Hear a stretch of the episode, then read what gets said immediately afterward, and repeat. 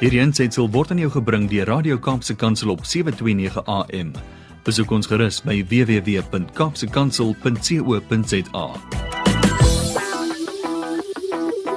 There's another lady who enjoys screaming out loud from the top of a mountain. It's Zanti Swanepoel. More Zanti.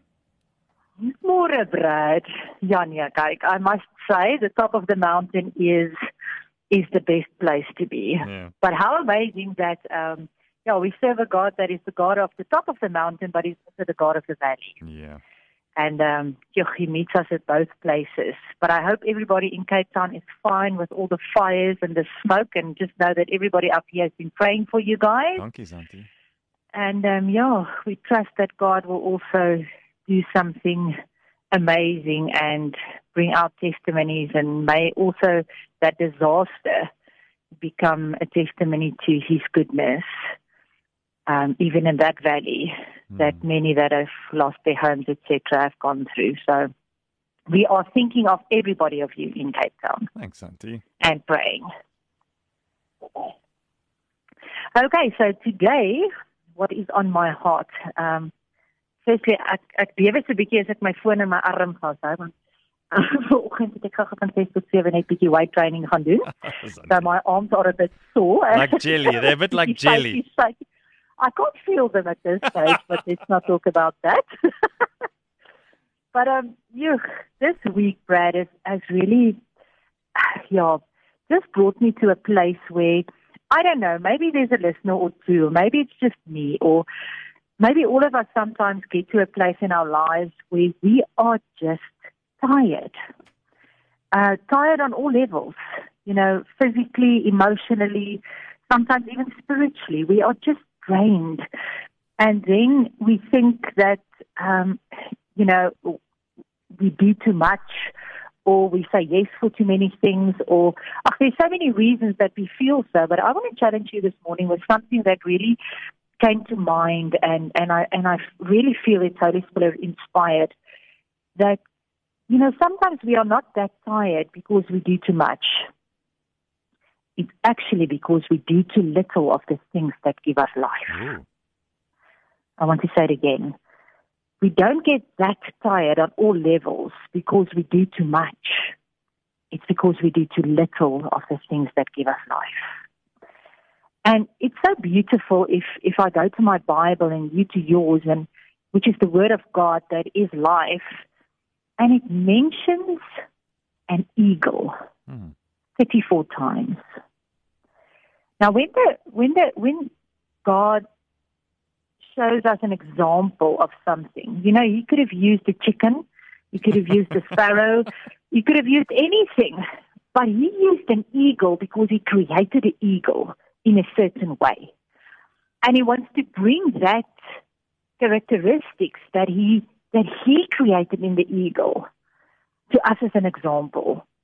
And if he mentions it 34 times at least, then that says, I have to listen. Mm.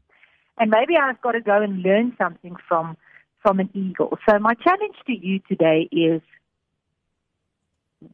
it's our responsibility to do something that an eagle does. If we really want to take everything out of life that we can get, because God says He's given us life and life in abundance. That's His will for us. Mm.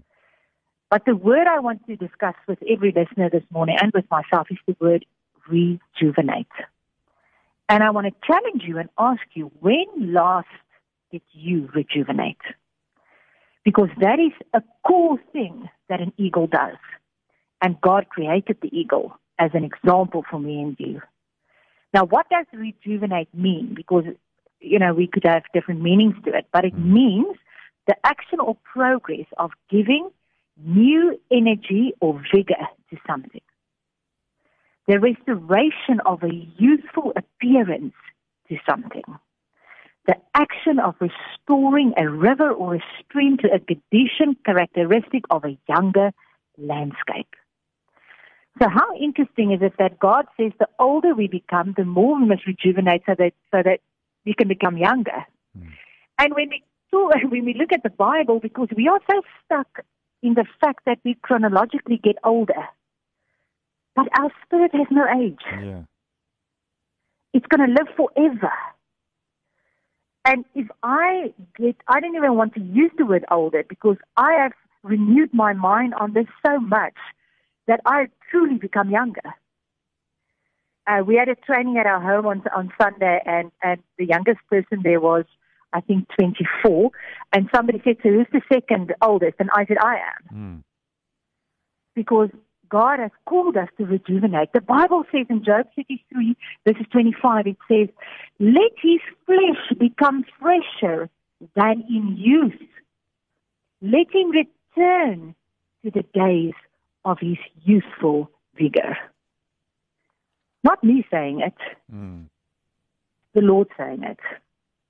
Psalm 103, verses 5, that says, He satisfies your years with good things so that your youth is renewed like the eagle. But what does the eagle have to do to rejuvenate? And this is the difficult part. You see, an eagle is a, is a bird that lives the longest of all species. It lives 70 years. But at year 40, it has to choose. It has to choose to live or to die. Because at year 40, its beak is so misformed that it can't eat anymore. Its claws and nails are so formed, misformed that it can't catch prey anymore. Oh. And its feathers are starting to fall out. So at 40, this bird, if it does nothing, it dies. But if it chooses to live, and I don't know where your 40 years or mine is, or mine has been already, metaphorically. But there will come a time where you will have to make a decision to die spiritually, emotionally, and just wait to be buried one day, or to live. And if you choose to live, you've got to go through a rebirth, because that's what an eagle does. It goes to a mountain for five months. And for five months, it has to break down this beak against a stone until there's nothing left.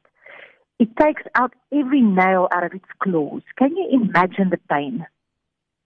This is severe pain this eagle goes through. And it pulls out every feather. And the eagle stands naked in front of God, surrendering it all. And maybe you are there. Maybe what I do know is all of us are going to get there, Mm. where we have to surrender it all because our efforts is not enough. But then the most amazing thing happens. Its beak grows back again. Its nails grows back again and the feathers grow back. And for the first time, that eagle can fly higher than ever before. And it lives another 30 years. And those 30 years are the best years of his life. But for one or the other reason, we think the older we get, the less life becomes. So I want to challenge you this morning to say, rejuvenate your soul, your spirit, your mind, your body. The older you get, the better you get. Mm. But it's a painful process. But choose it because God honors you. And if you stand in front of Him naked, saying, God, I give it everything to you. I've tried my best. But my best has only brought me to a place where I know that I know that it's all about you. If you are there, He will rejuvenate you, and your best years will be in front of you. Amen. Hierdie aansetsel is aan jou gebring deur Radio Kaapse Kansel op 729 AM. Besoek ons gerus op www.kaapsekansel.co.za.